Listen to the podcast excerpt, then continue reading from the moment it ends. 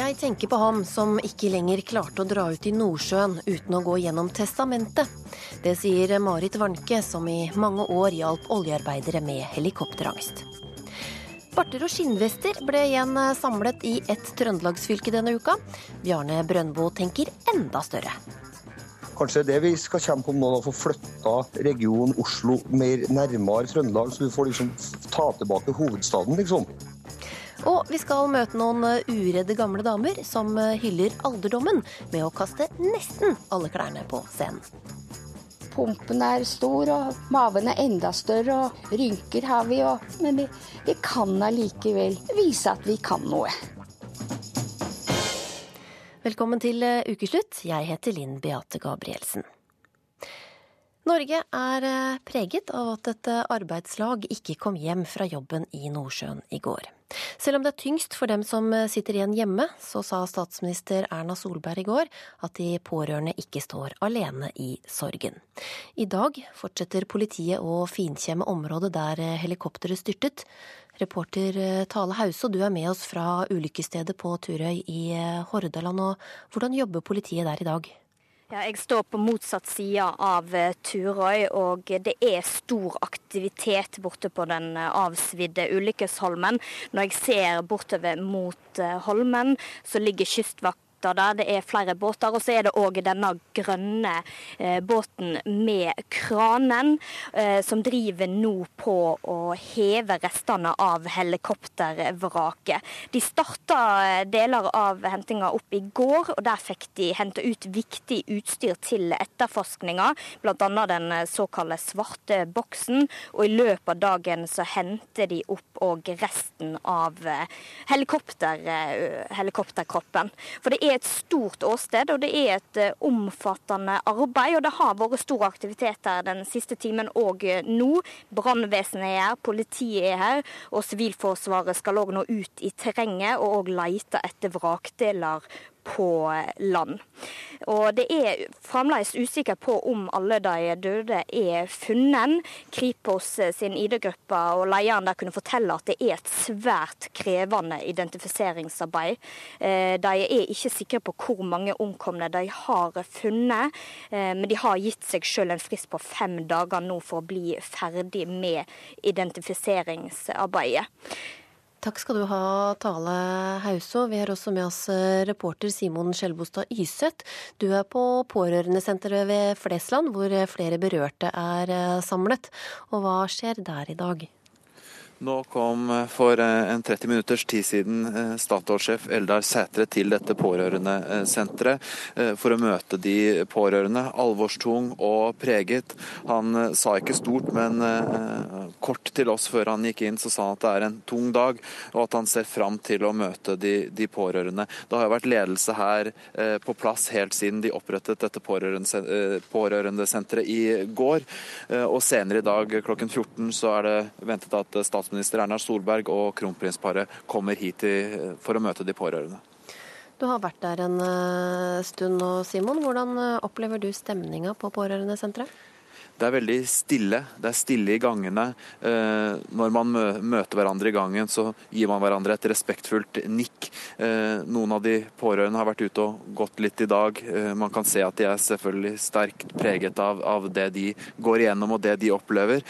Og man ser at de støtter hverandre. Og nå er det jo gått ett døgn, så Sjokket har kanskje blitt mer til sorg. Man har innsett hva som faktisk har skjedd. For et døgn siden så, så skjedde jo ting raskt og, og, og, brått. Og jeg snakket med krisepsykolog Atle Dyregrov, som kom hit til senteret i formiddag. Det er den rå, brutale kraften ved ulykken. Det i seg selv gir et veldig sjokk. Det er ingen tid for forberedelse. De går fra en situasjon hvor livet er trygt, til en situasjon hvor alt er kaos. Så det er en veldig, veldig utfordring når noe skjer så dramatisk og så plutselig som dette. Det er et langdistanseløp som de skal gå, mange av de som, som er rammet her. Så, så, de skal gradvis ta det inn. De skal eh, forholde seg til en ny livssituasjon. Den er forskjellig fra familie til familie. Da skal vi ønske Marit Warnke velkommen til Ukesluttstudio. Som eh, psykolog så har du hjulpet mange oljearbeidere som har vært eh, redde for å fly med helikopter i Nordsjøen. Nå er du leder i Bergens næringsråd. Hvilke tanker for gjennom hodet ditt da du hørte om denne ulykka i går? Nei, Den første tanken før vi helt hadde sett hva som skjedde, at det, var et helikopter som hadde nødlandet. Sant? Da tenkte jo jeg på alle de menneskene som jeg har sett trene, hvor dyktige de er, hvor forberedt de er på å kunne evakuere etter en nødlanding. Men ganske raskt så kom jo neste meldingen inn med at det var rotorene, og da, da, vet jo alle som kjenner til et helikopter at alt håp er ute. Og klart tankene går jo til alle de som i går gledet seg til å få hjem sine kjære til vår og ferie og kunne være sammen, så ble det plutselig en så svart og brutal eh, dag. Og videre så, begynte, så kom jo alle tankene på alle de menneskene jeg har møtt opp gjennom årene. Alle de som har slitt gjerne med det det innebærer å ha en jobb eh, offshore. Og, og de som jeg har truffet som Eh, og, og hjulpet som har hatt eh, utviklet redsel for å fly helikopteret. Ja, fordi altså, Hele landet føler jo med de som er eh, rammet nå. Men du, du, skriver også i eh, Bergens Tidende om at eh, vi andre lett tror at eh, oljen har kommet opp og i, i, rør av seg selv. Men hvilken pris er det oljearbeiderne betaler for vår velstand? Nei, altså For det første så er jo de som mistet livet i går, er jo ikke de første som har mistet livet for å, å holde oljeindustrien i gang. Vi har jo hatt flere store og grusomme ulykker tidligere. Jeg kan si at det at vi i dag har eh, kanskje den høyeste sikkerheten i Nordsjøen som det er noen steder innenfor petroleumsindustrien, det er jo bygget på at man har tatt lærdom og endret og jobbet hardt med sikkerheten etter ulykker som har, har vært tidligere. Men så er det jo òg liksom dette en sånn gjengse oppfatning av at det å være oljearbeider, det betyr at du har da altfor høy lønn lønn, altfor mye fri og, og eh, liksom ingenting å klage på. Men eh, alle som har en oljearbeider i familien og som kjenner denne industrien godt, vet jo òg hva det koster. Alle de gangene du reiser når noe hyggelig skal skje hjemme. Alle de julefeiringene du har gått glipp av. Alle de gangene du har fått en telefon ut og noen står på i familien og du er langt vekke og kan ikke være der du helst ville være sammen med dine kjære. Så har du de som også, i tillegg til dette, sliter, sånn som du trekker fram han som ikke lenger klarte å dra til Nordsjøen uten å gå gjennom eh, testamentet. Hvordan ja. sliter de som har helikopterangst? Eh, nei, altså det, det, å fly helikopter ut i Nordsjøen, det, det, betyr at du sitter veldig trangt, eh, veldig varmt. Du sitter med overlevelsesdrakten på. Og som vi kjenner til, så er det mye vær på Vestlandet. Så ofte så er det ruskevær risting, støy. Eh, så i seg selv så er jo det en fysisk ubehagelig tur for veldig mange. Eh, så ser vi òg det at, eh, at, flere etter hvert da kan utvikle altså At det går fra den fysiske ubehaget. Kanskje noe spesielt har skjedd hjemme. Kanskje det har vært en hendelse som gjør at det blir en ekstra ubehagelig tur. Og du ser at folk gjennom år gradvis har da opparbeidet seg en angst for den flyturen. Og de som jeg har vært borti, så har jo det vært til dels veldig alvorlig. Og, og, noe av det som da skjer, er jo det at den friperioden du da har hjemme, den brukes jo opp til å gå og engste deg og gå og kvi deg til at du skal ut igjen. Og som en som jeg husket sa, at han brukte altså så mye tid. Han gikk gjennom alle papirer, alle regninger. Gikk gjennom testamentet. Gikk gjennom, forberedte seg egentlig på eh, at alt skulle være ryddet opp og alt skulle være i orden hvis han aldri kom tilbake. Men hva gjør en slik ulykke da, med de som allerede sliter? For de som allerede sliter, så må man regne med det at det blir en større uro. Eh, nå er det jo òg sånn at det å, en, altså det å utvikle angst, det er noe som skjer over tid. Det har en tendens til å kunne spre seg. Men angst er òg noe som det går an å lære å mestre. Og fortsatt så er det sånn at det å jobbe i Nordsjøen og det å fly helikopter er veldig sikkert. Tusen hjertelig takk for at du var med i Ukeslutt, Marit Warnke.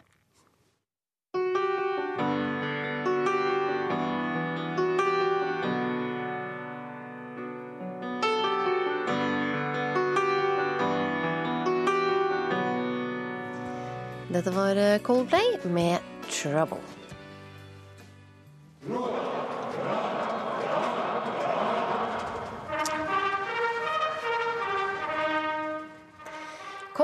Carl Gustav feirer i dag sin 70-årsdag, men eh, vårt kongepar og kronprinspar har eh, avlyst turen til Sverige etter helikopterulykken. Kongen har i stedet bedt eh, prinsesse Märtha Louise og Ari Behn om å representere den norske kongefamilien. Reporter Kristi Marie Skrede, feiringa av kungen har pågått i mange dager allerede. Hva skjer i dag? I dag er den store feiringa. Det er jo i dag han har bursdag. Han fyller 70 år. Eh, og eh, feiringa i Ytre Borgård ved Slottet er akkurat ferdig. Der ble det eh, ropt hurra for han, et fire, fire ganger hurra for kongen. Der fikk han blomster av små barn, og der var det musikk. Hele kongefamilien var på plass, og det var òg kongelige gjester fra hele Europa og fra Japan til og med. nå har vi flyttet flytte oss til Stadshuset. Her skal det snart være lunsj. Og den røde løperen er rulla ut, og snart så kommer de inn her for å feire kongen med staselig lunsj. Tidligere i eh, uka så ble det kjent at en gruppe IS-terrorister var i Sverige og planla et eh, angrep mot eh, Stockholm. Hva har det gjort med sikkerhetstiltakene rundt feiringa? Altså, Vi som er i Stockholm kan se politihelikopter i lufta. Vi kan se politi på takene av eh, bygningene rundt omkring her. Det er politibåt på vannet. Det er mye synlig, og det er mye eh, sivilkledd politi. Eh, om det er pga. denne terrortrusselen, eller om det er fordi det er så veldig mange kongelige samla, det skal ikke jeg ha sagt noe om. Det er alltid veldig mye sikkerhet til stede når så mange kongelige som, som det er her er samla. I dag er jo til og med eh, To tidligere monarker på plass, eh, prinsesse Beatrix av Nederland og kong Juan Carlos. Eh, I tillegg til flere monarker og flere kronprinspar. Så det er mm, mange viktige personer som alltid har sikkerhet rundt seg til stede i Stockholm i dag. Takk skal du ha, reporter Kristi Marie Skrede. Du rapporterer videre fra feiringen utover dagen og kvelden her i NRK. To fylker har slått seg sammen i dag. To fylker som nå får en felles identitet.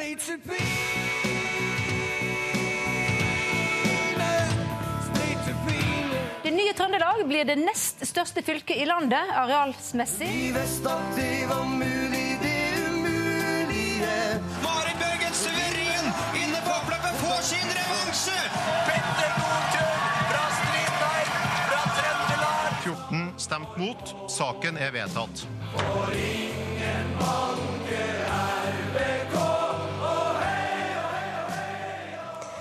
Ja, denne uka ble det bestemt. Nord- og Sør-Trøndelag blir slått sammen til ett fylke som skal hete Trøndelag.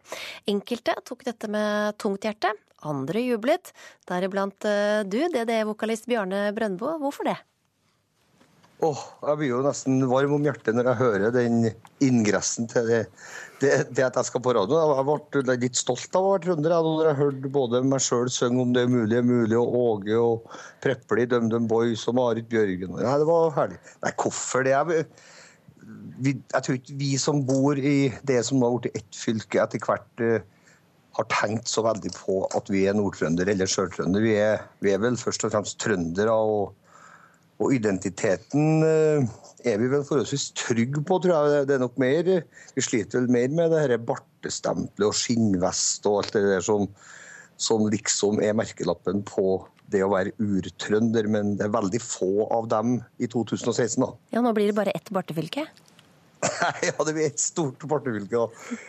ja, som, det kan du si. Du som bor i Namsos, det er, liksom, det er tre timers kjøring fra, fra Trondheim.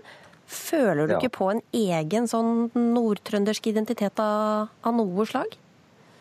Jo, men jeg tror det, kanskje det er litt sånn at uh, når du blir en del av noe større altså Vi er jo en del av nasjonen Norge. Men likevel så er jeg namdaling og namsosing og trønder, og kanskje er jeg litt nordtrønder òg. Men jeg, er ikke noe, jeg tror nesten jeg blir mer bevisst på å være den jeg er, og der jeg har den store rota mi festa i et større system enn om vi liksom er delt opp i små enheter. Så, så jeg tror vi blir mer bevisst på det som er særegent for de mindre regionene av et stort Trøndelag. Vi er kanskje enda mer bevisst i et stort Trøndelag enn i et mer fraksjonert og delt Trøndelag. Så, så jeg tror faktisk det kan forsterke, forsterke det å være opptatt av hvem vi er og hvorfor. Mm. Sånn at det at DDE er en del av trønderrocken sammen med Åge Aleksandersen, Terje Tysland og Hans Rotmo, det, er ikke, det føles ikke det som et eget nordtrøndersk fenomen? Nei, jeg gjør kanskje ikke det. Altså. Det er klart at det Trønderrock-begrepet er jo de, Vi ser vel trønderrockere om stage sånn, men de synger på engelsk. Så, så, det finnes et vidt og et snevert begrep. Og for meg så er trønderrocken kanskje OK, det er på trøndersk, og sånn, men DumDum Boys er jo også trønderske rockere. Så, så, sånn sett så er jeg veldig storsinna. Jeg er veldig glad for å være en del av Stor-Trøndelag. Nemlig. Espen ja. Eh, Leirseth, du er eh, statsviter og universitetslektor ved Nord universitetet i Steinkjer. Hva er egentlig grunnen til at Trøndelag ble delt i to for litt over 200 eh, år siden?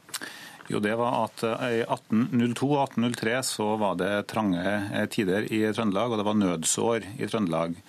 Den danske amtmannen som satt i Trondheim, hadde et svare strev med å gi nok nødhjelp til alle trønderne.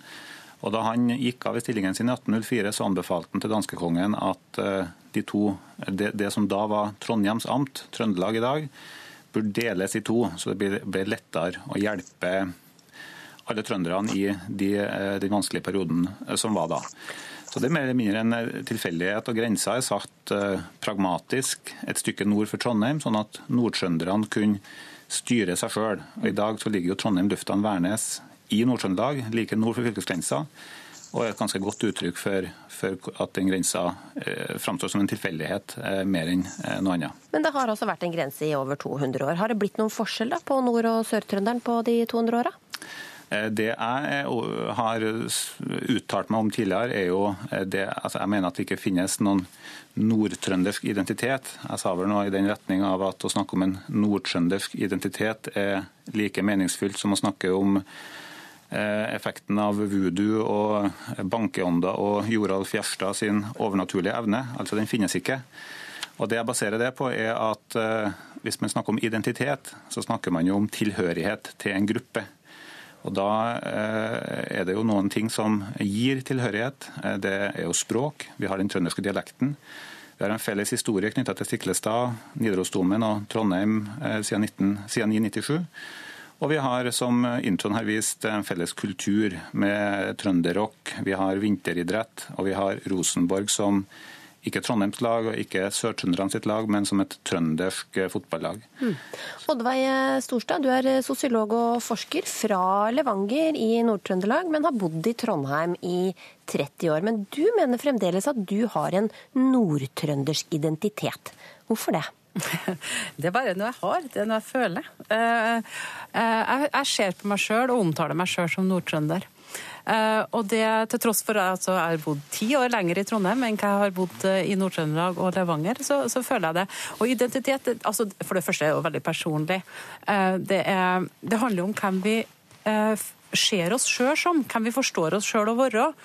Og, og, så er jo det at altså, identitet er jo på en måte litt som en løk. altså Det er lag på lag. Og, og jeg hører jo Bjarne si at du, du, er trønder og du er, du er, fra Norge og sånne ting. Og det er jeg også. Eh, men jeg tror Jeg har tenkt på dette da, noen dager nå, og jeg tenker at når jeg er så uh, opptatt av å, av å framstille meg sjøl som å fortelle at jeg er nordtrønder, så tror jeg det er litt uh, fordi at jeg ønsker å markere mot... Altså det at jeg ikke er fra Sør-Trøndelag, da. Eh, fordi at det er to forskjellige eh, regioner, to forskjellige fylker, og, de, de er mer forskjellige, syns jeg, enn Espen Lerseth vil ha det til. Da. Ja, hva slags forskjeller er det snakk om? Ja, altså Det ligger mye i strukturen, altså hvordan de er, er de her eh, fylkene som, som, har gjort noe med oss. Altså Sør-Trøndelag, altså Seks av ti sørtrøndere bor i Trondheim kommune. Sør-Trøndelag er i stor grad Trondheim, og det er aldri noen som diskuterer hvor ting skal legges hen i Sør-Trøndelag. Det legges til Trondheim fordi at det er så det er så sterkt, det å være så stor som Trondheim er. Nord-Trøndelag helt annerledes. Du har en rekke ganske jevnstore byer. Stjørdal, Levanger, Verdalen, Steinkjer, Namsos. Det er helt annerledes. Det er ikke et naturlig tyngdepunkt fordi om Steinkjer har vært fylkeshovedstad. Eh, og Steinkjer er dere i ferd også, tror jeg, nå med å miste mye av den naturligheten med at de skal være tyngdepunkt. Og nå blir jeg, tror jeg, med den oppløsninga nå, en alles kamp mot alle. og færre som snakker Nord-Trøndelag samla sin sak. Du er ikke redd for det da, Brøndbø? Færre som vil snakke Nord-Trøndelag-sak? Nei, jeg tror Jeg var jo en tur på Stiklestad den historiske dagen når det dette ble vedtatt. Og jeg må si når jeg kjørte inn til det dette historiske stedet, som faktisk har en historikk i 1000 år tilbake i tid, så tenkte jeg meg sjøl at med Trondheim som en del av et, altså samla Trøndelag, for å bruke det, så, så tror jeg Stiklestad kommer til å bli enda mer brukt, enda mer viktig. enda mer, Så jeg tror ikke at sentrum natur, altså Trondheim er en stor by. Jeg har sjøl bodd et halvår i Trondheim. Og så merker jeg at Trondheim er jo en, egentlig en liten storby. altså på mange måter. Det er et lite sentrum, det er en hyggelig greie. Og jeg tror at stor, et stort regionsenter og et samlingspunkt som Trondheim har vært og fremdeles vil være for også nordtrønderne. Vi reiser dit på kulturelle opplevelser. Vi reiser dit og skal oppleve Bruce Springsteen. Sant? sånn vil det være i en region som vi er en del av. Jeg tror at vi, vi kommer til å oppleve at Trondheim kommer til å være veldig bevisst på for et ansvar de sitter på som en form for storebror i et sånt greie. Så jeg tror Namsos og Vikna og alle de plassene som er ytterkantene, kan du si, da. Vi kommer til å faktisk få positive utslag ut ifra det som nå har skjedd. Er det noe forskjell på Rai Raien da, Brøndbo, i nord og sør? Nei, når DDE slo gjennom i sin tid, så skjedde det på et kjempelite en pub som het for Breiflabben i Trondheim. Og Der vi liksom skapt furore. Det var plass for 80 stykker, men det var alltid utsolgt. Og det ble jo gjetord. Så, så, jeg tror ingen som når Rosenborg nevnte, det er ingen som snakker om at du er nordtrønder. Og når vi kommer fra Namsos og spiller i Trondheim, så er det ingen som tenker på at vi er et nordtrønder. Vi er et trøndersk band. Så for meg så er Trondheim alltid vært hovedstaden som er nærmest. Og kanskje det vi skal kjempe om nå, å få flytta Eh, heller regionen region Oslo mer nærmere Trøndelag, så vi får liksom ta tilbake hovedstaden, liksom. Det blir oi, det nye målet. Espen Leirseth, eh, nordtrønderne leser Trønderavisa, sørtrønderne leser Adresseavisa. Viser ikke det at det er en forskjell her, da? Eh, jo, som jeg sier, eh, Noen forskjeller vil det selvfølgelig være, men det er ikke nok til å skape noen, eh, noen, virkelig identitet. Identitet skapes på mer grunnleggende saker som felles kultur, felles språk og felles historie. Men det som Bjarne Brøndbo peker på, å, å ta makta tilbake fra Oslo, det er jo en, en, et viktig argument i sammenslåinga her. Den nye trønderbenken på Stortinget vil bli en annen maktfaktor på Stortinget enn de to Nord-Trøndelagsbenken og Sør-Trøndelagsbenken var før. og Det er viktig å gjøre seg gjeldende sentralt eh, og stå samla som region. Takk for at dere kom til ukeslutt, Espen Leirseth, Oddveig Storstad og Bjarne Brøndbo. Følg med videre i Ukeslutt, hvor vi bl.a. byr på dette. Hotellstreiken trappes opp. Folk i hotellbransjen må ha to jobber for å få det til å gå rundt, sa LO-leder Gerd Kristiansen. Ukeslutt har møtt en av dem. Nett-TV-suksessen Skam får kritikk. Den romantiserer hovedpersonen Noras forhold til den manipulerende William, mener kulturjournalist. Det er streik i hotell- og restaurantbransjen nå. Ja. Har du forståelse for at de streiker? Ja, det er klart. Mye stress og dårlig betalt. Jeg forstår det. Absolutt. Eh, jeg skjønner jo at de ønsker å få noe bedre betalt enn 150 kroner timen, eller hva de har. Trenger jo litt mer enn 150 kroner timen for å kunne klare å eksistere i dagens samfunn, syns jeg. Jeg vet ikke om jeg har noe sånn veldig forståelse for det i denne tida. Det snakkes om moderasjon overalt. Seks nye fylker rammes altså av eh, hotellstreiken når den trappes opp i dag. Til sammen 6000 hotellansatte har nå lagt ned arbeidet. Og Fellesforbundet melder om medlemmer som har hatt to jobber for å ha en levelig inntekt. Reporter Kari Li har møtt en av dem.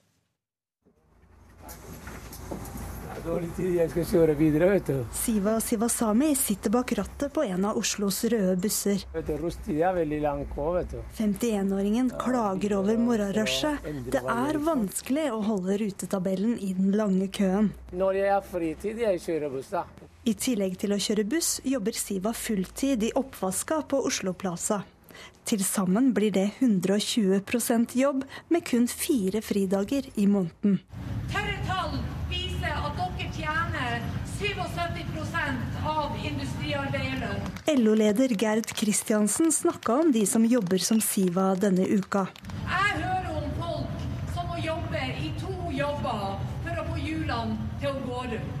Fellesforbundets medlemmer i hotell- og restaurantbransjen krever mer i lønn og rett til å forhandle lokalt. NHO sa nei, og dermed ble det streik sist søndag. Pengene rett og slett ikke strekker til. Ikke ha det. Jeg kan ta fire dager fri hvis jeg kommer bedre lån. Siva har pause og skulle gjerne hatt mer fritid.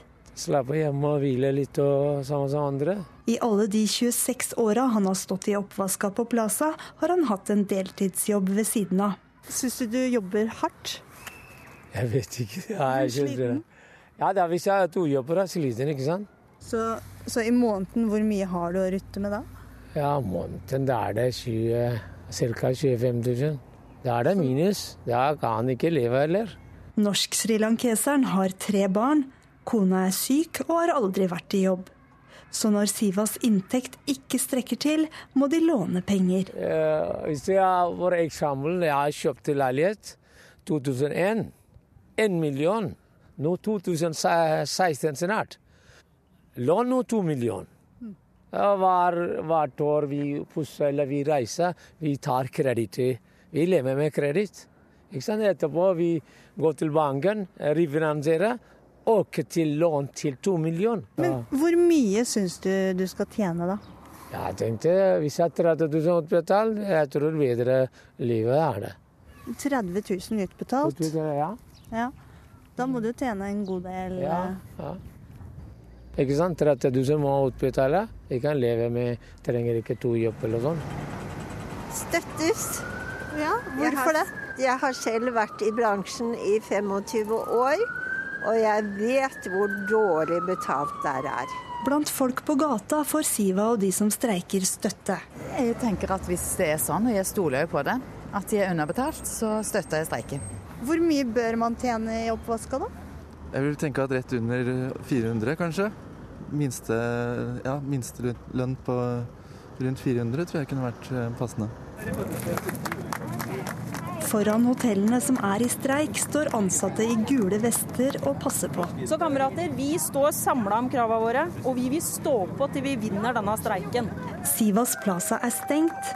Andre hoteller driver nesten som vanlig. Trenger vi de her til i morgen? Daniel? På Scandic hotell Oslo City er lunsjen i gang. Siden jeg kan jobbe i alle avdelinger, det kan jo ikke alle, så, så da jobber jeg eh, litt der det trengs. Direktør Ragne Lærum har siden søndag prøvd å betjene flere jobber. Nå står hun med forkle og hansker og spyler møkkete tallerkener. Her i lunsjen så har jeg eh, Nå er det jo en som er, ikke er organisert, som jobber. Som står på, her da står på vaktliste en fast. Og så har jeg kjøkkenet mitt som jobber, og en solsjef som er der. Så vi er noen, vi er det, altså. For de som streiker, ønsker jo at dere skal stenge på et vis. Men hvorfor gjør dere ikke det? Vi har redusert kapasitet på rom. Det er det vi har gjort. eh, Og foreløpig så klarer vi oss fint. Det er en vanskelig bransje å gjennomføre streik i. Fordi eh, oppslutningen om fagforeninger er eh, ganske lav. Det er en høy andel uorganiserte. Sjeføkonom Roger Bjørnstad i Samfunnsøkonomisk analyse ser ikke akkurat lyst på lønnsutviklingen til Siva og hans kolleger. Satt på spissen så kan man si at det norske lønnsdannelsessystemet jobber for Siva, og at han skal få økt lønn. Samtidig så er eh, markedskreftene brutale og jobber mot han. Det er særlig arbeidsinnvandringen de siste ti åra som spenner bein for Sivas håp om høyere lønn, mener Bjørnstad. Med kanskje 200 000 nye sysselsatte fra EØS-land i Øst-Europa. Veldig mange av disse har lav utdanning og lave eh, kvalifikasjoner. I tillegg så har vi mange innenfor renholdsbransjen som kommer fra Asia med lav utdannelse og lave kvalifikasjoner.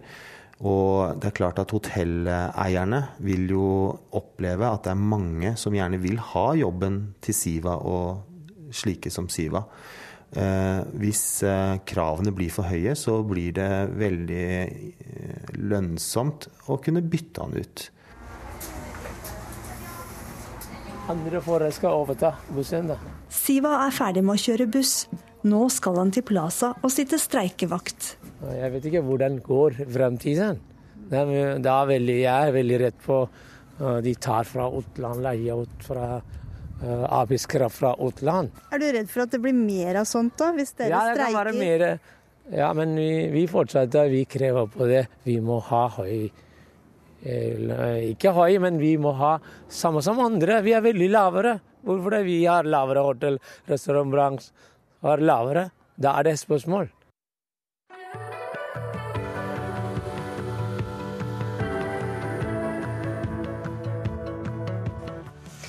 Vi hørte Marte Valle med Tenk om. Og det er eh, kommet eh, flere opplysninger rundt eh, helikopterulykken, Tone Nordahl. Hva er siste nytt? Politiet har nå kommet med en liste over de omkomne. Ikke med navnene, der venter vi fortsatt på sikker identifisering. Men de forteller oss nå mer om disse som mistet livet, da. 13 19 omkom i ulykken i går, der én kvinne og tolv menn blant de omkomne. En 54 år gammel mann fra Sandnes, en 43-åring eh, fra Bergen, en mann på 50 fra Stavanger, en 32 år gammel kvinne fra Bergen, en 60 år gammel mann fra Tysnes, en 35 år gammel mann fra Os, 41 år gammel britisk mann eh, som bor i Storbritannia.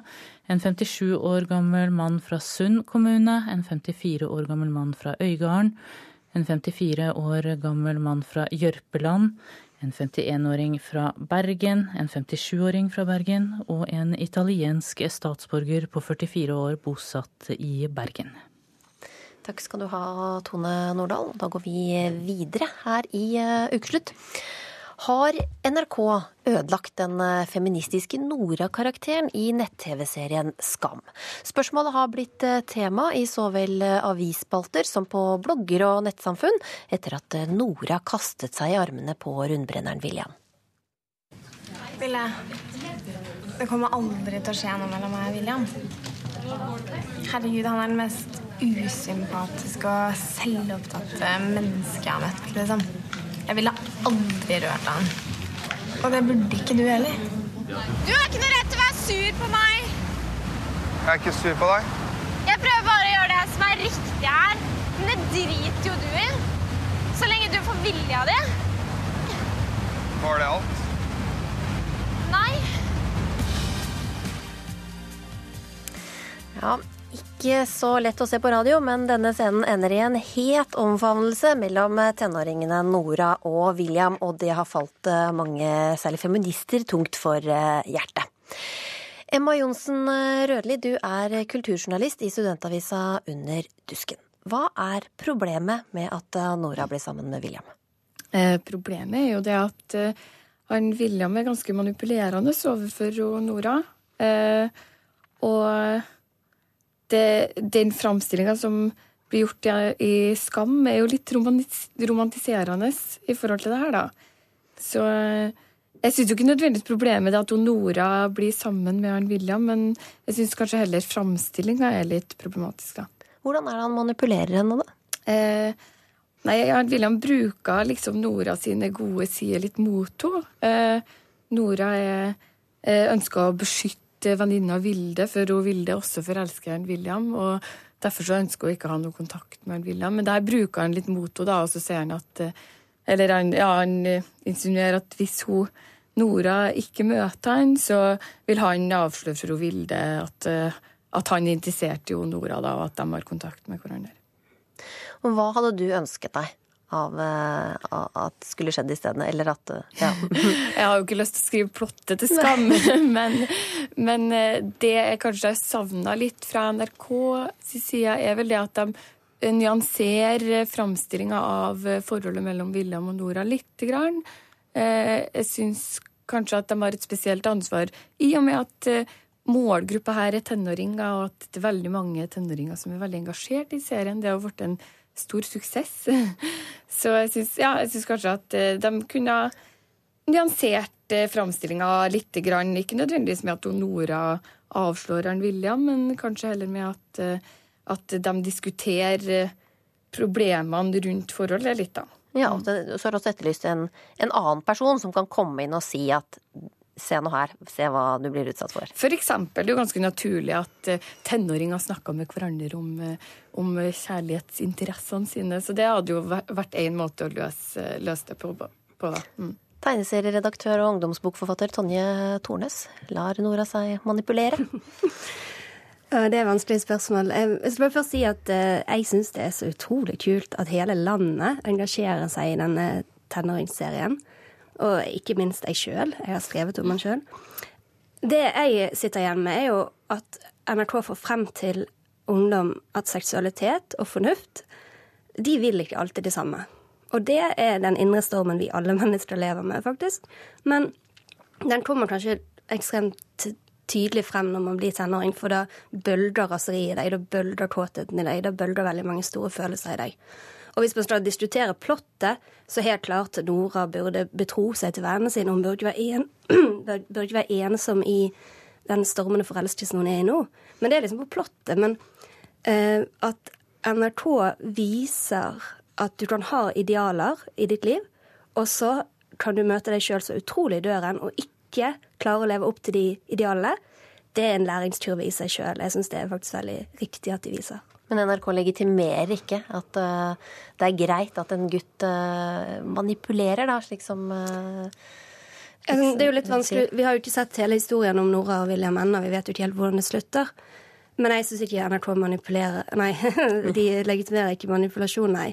Det syns jeg er litt merkelig ting fordi, å si. fordi en historie om manipulasjon må jo vise manipulasjon. Og det er nå også sånn at Nora har manipulert litt tilbake igjen, og de spiller høyt begge to. Så ja, nei. Jeg syns, det, jeg syns faktisk det er litt bra at NRK viser at du kan bli utsatt for manipulasjon, og dette kan det gjøre med deg. Jonsen Rødli, er det ikke bare sånn her det er å være ung og forelska? Eh, jo, på mange måter, men jeg tror at mange tenåringer òg ser sjøl at, eh, at andre mennesker ikke er bra for dem, da. Men jeg syns jo ikke nødvendigvis problemet her er det at Nora blir utsatt for manipulasjon. Jeg syns kanskje mer det, det at eh, det ikke blir så tydelig i serien at det er det hun blir. Eh, av, av publikum så har jo forholdet mellom Nora og William blitt mottatt veldig positivt. Og det virker som at kanskje en del ikke helt ser ja, at eh, det er kanskje ikke så sunt, den måten han William behandla Nora på. Og jeg mener at det er ikke nødvendigvis eh, feministisk tankegang engang. Det handler bare om at man skal behandle mennesker med respekt, og, og respektere eh, det de sier, og det de vil. da. Men Tornes, eh, Nora har jo gått høyt ut og kaller seg jo feminist. Kan hun fortsatt være det, hvis hun gir etter for den største rundbrenneren og bryter med alle idealene sine? Og det er jo helt eh, fallitterklæring for feminisme hvis det er sånn at du ikke kan kalle deg det fordi du ikke klarer å leve opp til de mål eller den måten man skal leve på som feminist. Det håper jeg jo inderlig aldri blir tilfellet. Da må jo jeg jo slutte å kalle meg feminist, da. For jeg klarer heller ikke å leve opp til de standardene som jeg tenker på når det gjelder feminisme. Hva tenker du, Rødli?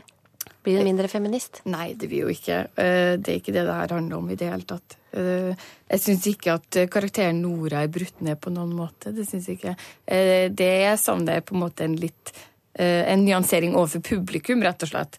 Eh, Det er ingenting i veien for å bli forelska i noen som kanskje ikke er den som man tenker på som best for seg sjøl. Kjærlighet er ikke lett. Kjærlighet kan være komplisert og vanskelig, og man eh, kan få følelser for folk man ikke burde få, få følelser for.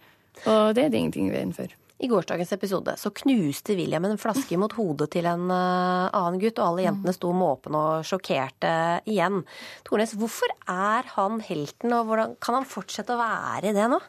Eh, Jeg ser ikke på han som helten, og jeg vet ikke om alle de som ser på Stram, ser på han som helten. Det blir jo en rar eh, tolkning. Jeg kan ikke sitte med den i hodet til alle som følger med. Jeg ser at det er mye debatt, eh, og det er veldig mange unge folk som debatterer inne på nettsidene, men jeg syns de alle er pro William. Én ting er å være veldig pro det kysset. en annen ting er å være pro karakteren. Så jeg vet ikke. Jeg synes han, eh, nei, jeg ser ikke på han som helten. Og det å ta en flaske og knuse i en annen persons hode når personen står med ryggen til, det er ikke særlig helteaktig oppførsel. Og det tror jeg ikke så veldig mange syns at det er. Og du så jo bare på Nora sin reaksjon at dette falt ikke i smak. Men ville det vært eh, annerledes synet på dette forholdet hvis det hadde vært omvendt? Hvis det var eh... Det var en blogger som skrev om det, som byttet Vilde og Nora. De ble gutter, og de var 16 år eh, gamle gutter. Han ene var så utrolig interessert i en 18-åring og tigget seg i seng med henne.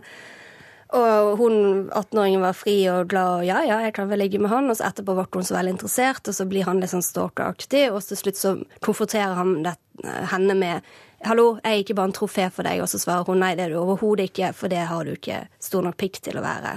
Uh, William sier til Vilde at du er ikke fin nok til å være det. Det er veldig interessant å, å bytte, bytte, roller i en sånn liten novelle, da. For det kan jo hende at vi har litt kjønnsbriller på her når vi dømmer William hardt.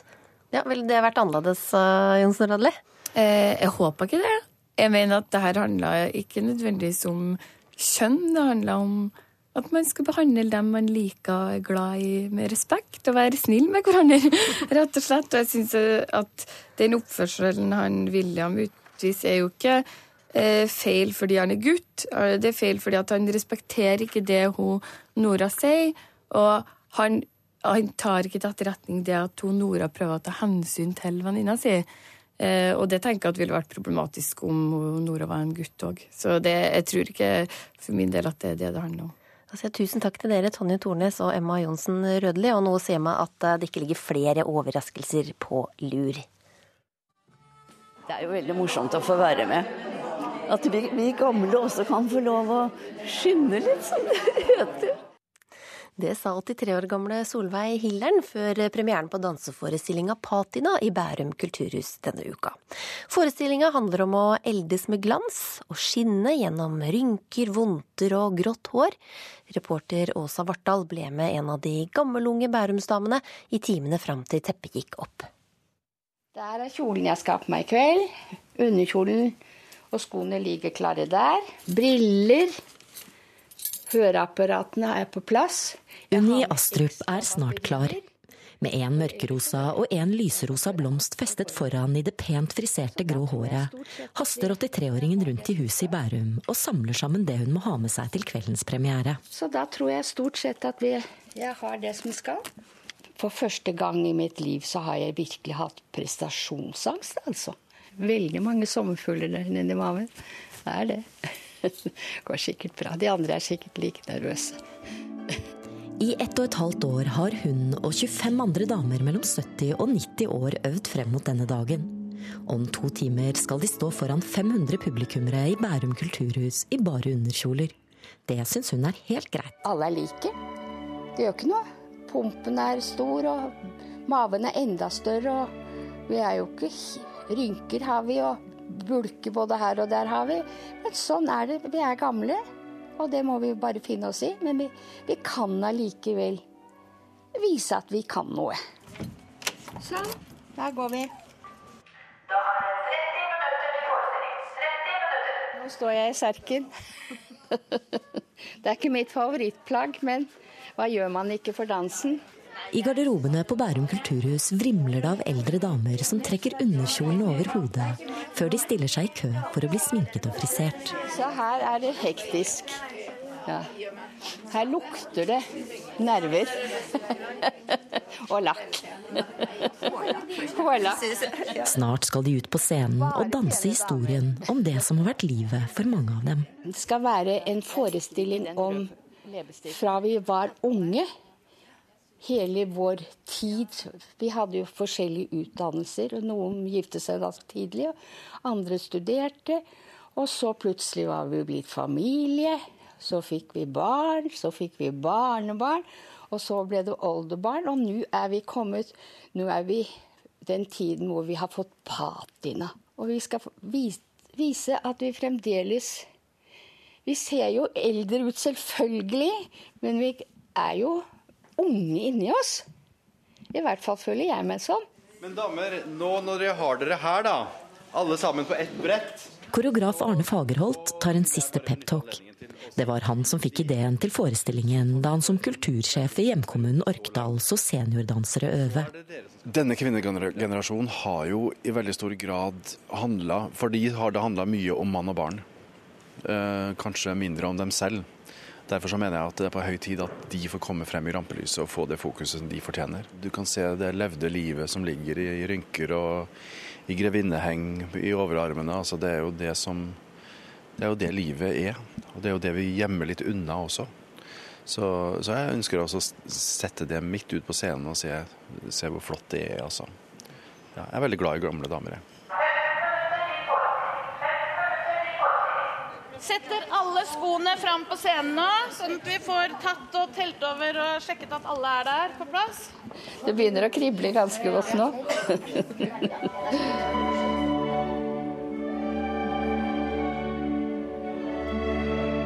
Så går teppet opp, og en liten jente, den jenta de en gang var, danser med en rød ballong før damene flyter inn på scenen, barbeint i de lyserosa underkjolene med perlekjede rundt halsen. Først med armene, så skal vi snu oss, og så skal vi gå, åpne oss, liksom og fortelle at vi er glad i alle sammen. Og lukke hendene over hjertet. Vi skal føle og kjenne vårt eget hjerte. Og så skal vi gå to skritt bakover. Så kommer krigen. Og freden. I fargerike kjoler danser de seg lette på foten gjennom forelskelse, kjærlighet og ekteskap. Gråte fordi vi ikke fikk den vi ville ha. Og gråte fordi vi fikk den vi ville ha. Barnevogner og familieliv, før det til slutt ender tilbake i alderdommen.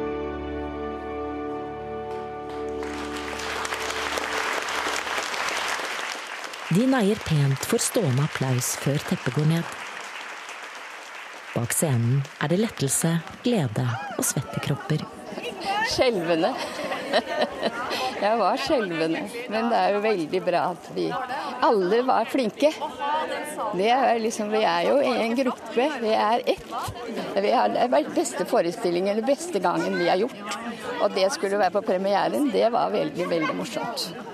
Og nå er det fest? Nå er det fest. Gleder meg. Takk for at du hørte på Ukeslutt. Ansvarlig for sendinga Torkil Torsvik. Teknisk ansvarlig Lisbeth Seldreite. Og i studio Linn Beate Gabrielsen.